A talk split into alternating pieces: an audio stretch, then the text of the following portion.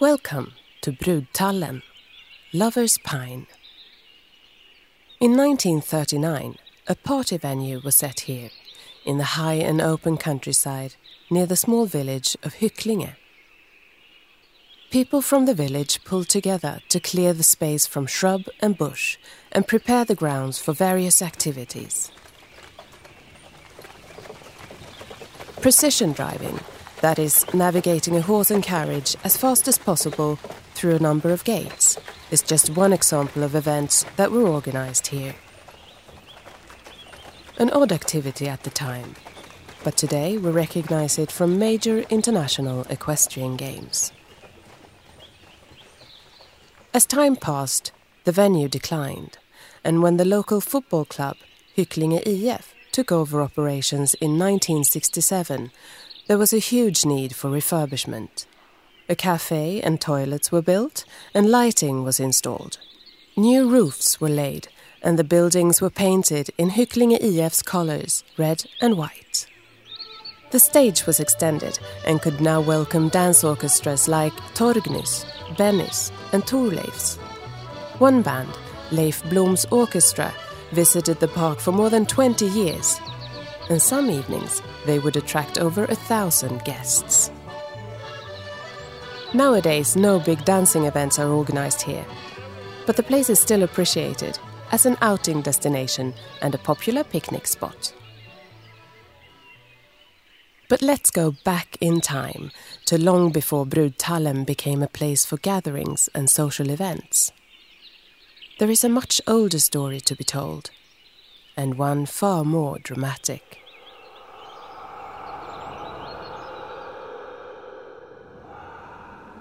The place is named after a large pine tree whose remains you will find under a protective roof behind the dance court. The tree is from the beginning of the 14th century and withstood the harsh weathers for hundreds of years until 1982, when a January storm brought it to the ground. This peculiar tree had a double trunk up to about two meters height. The fact that nobody cut it down before is probably due to the fact that it was considered to have magical powers. For example, sick children could be cured by being dragged through the opening between the two trunks. There are also stories about those trying to cut down the tree but instead falling limp to the ground, or in other ways being struck by inexplicable disease.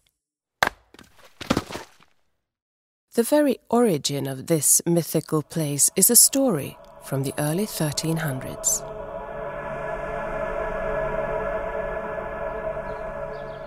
The legend says At Österby lived a rich and well respected farmer whose daughter, Ingrid, was widely known for her beauty and feminine virtues.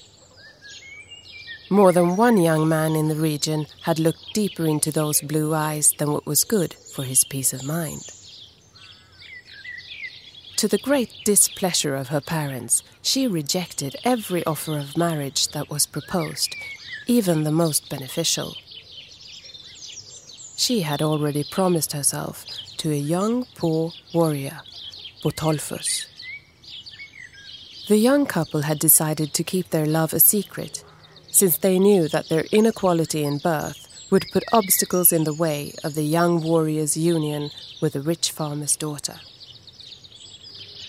Given time, they would find a way, the lovers reasoned.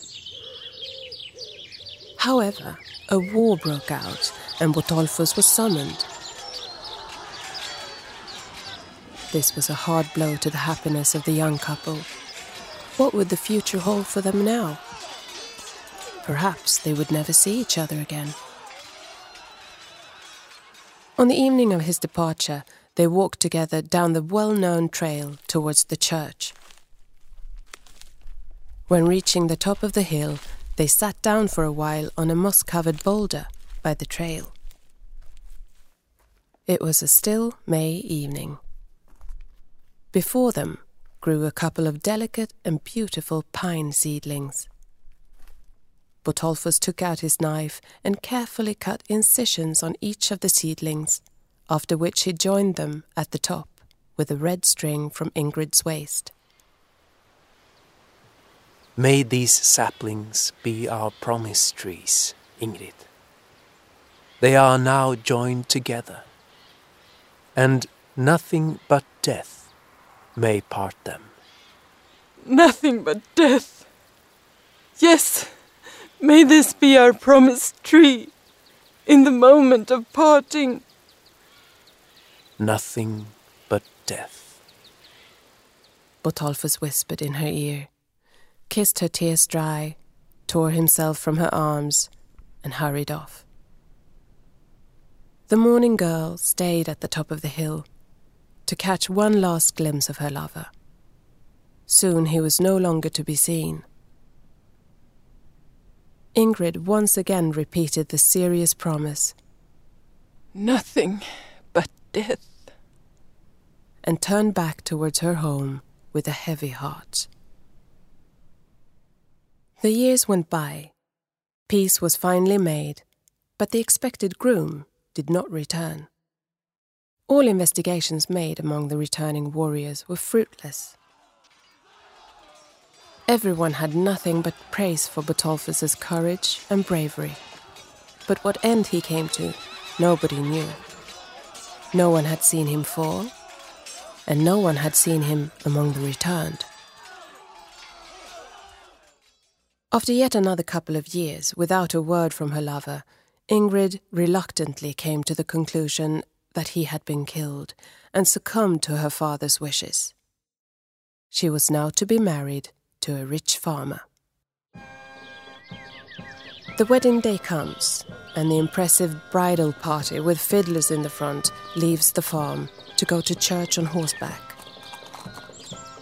Pale and full of thought, the bride sits on her horse, indifferent to the joyous cheers from the party around her. She seems absent minded when her groom tries to address her. Soon they reach the top of the hill and Ingrid can see the church where she is to be locked in matrimony. She glances towards the spot where she and her lost lover swore each other fidelity a few years ago and sees that the two trees have grown together and formed one beautiful joint crown. Ingrid turns even paler and more absent minded than before and when curious spectators honor the bridal party by firing gunshots, she loses control of her steed. Frightened by the shots, the horse rears, and the bride falls off, hitting her head against a rock so hard she eventually expires. Nothing but death, she whispers barely audible to the bystanders, before her beautiful eyes are shut for all eternity. The happy bridal party is hastily turned into a gloomy funeral procession. With heavy hearts and tearful eyes, they return to the farm. And dressed in her bridal gown, with a crown and a wreath, Ingrid is later to be buried at Hycklinge Cemetery. Shortly after, however, Botolphus returns, after having been captured during the war and finally found a way to escape. Through great danger and hardship, he sought his way back, home to his beloved Ingrid. When hearing about what had happened during his absence, his lover's tragic accident, and what words she had uttered just before the moment of death, his heart was grabbed by despair.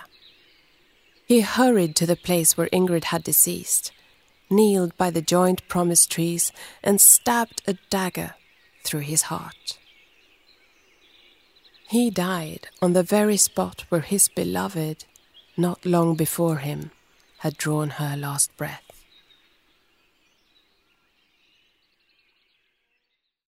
This is the tragic tale of Ingrid and Botolphus, which for centuries has been passed on through the generations.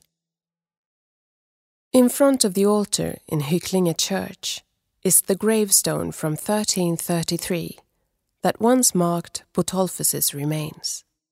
The inscription reads In the year of the Lord, 1333, I, Botolf Jonsson, passed away. Mortal who comes here, stay, read, shed a tear. I am what you shall become. What you are, I have once been.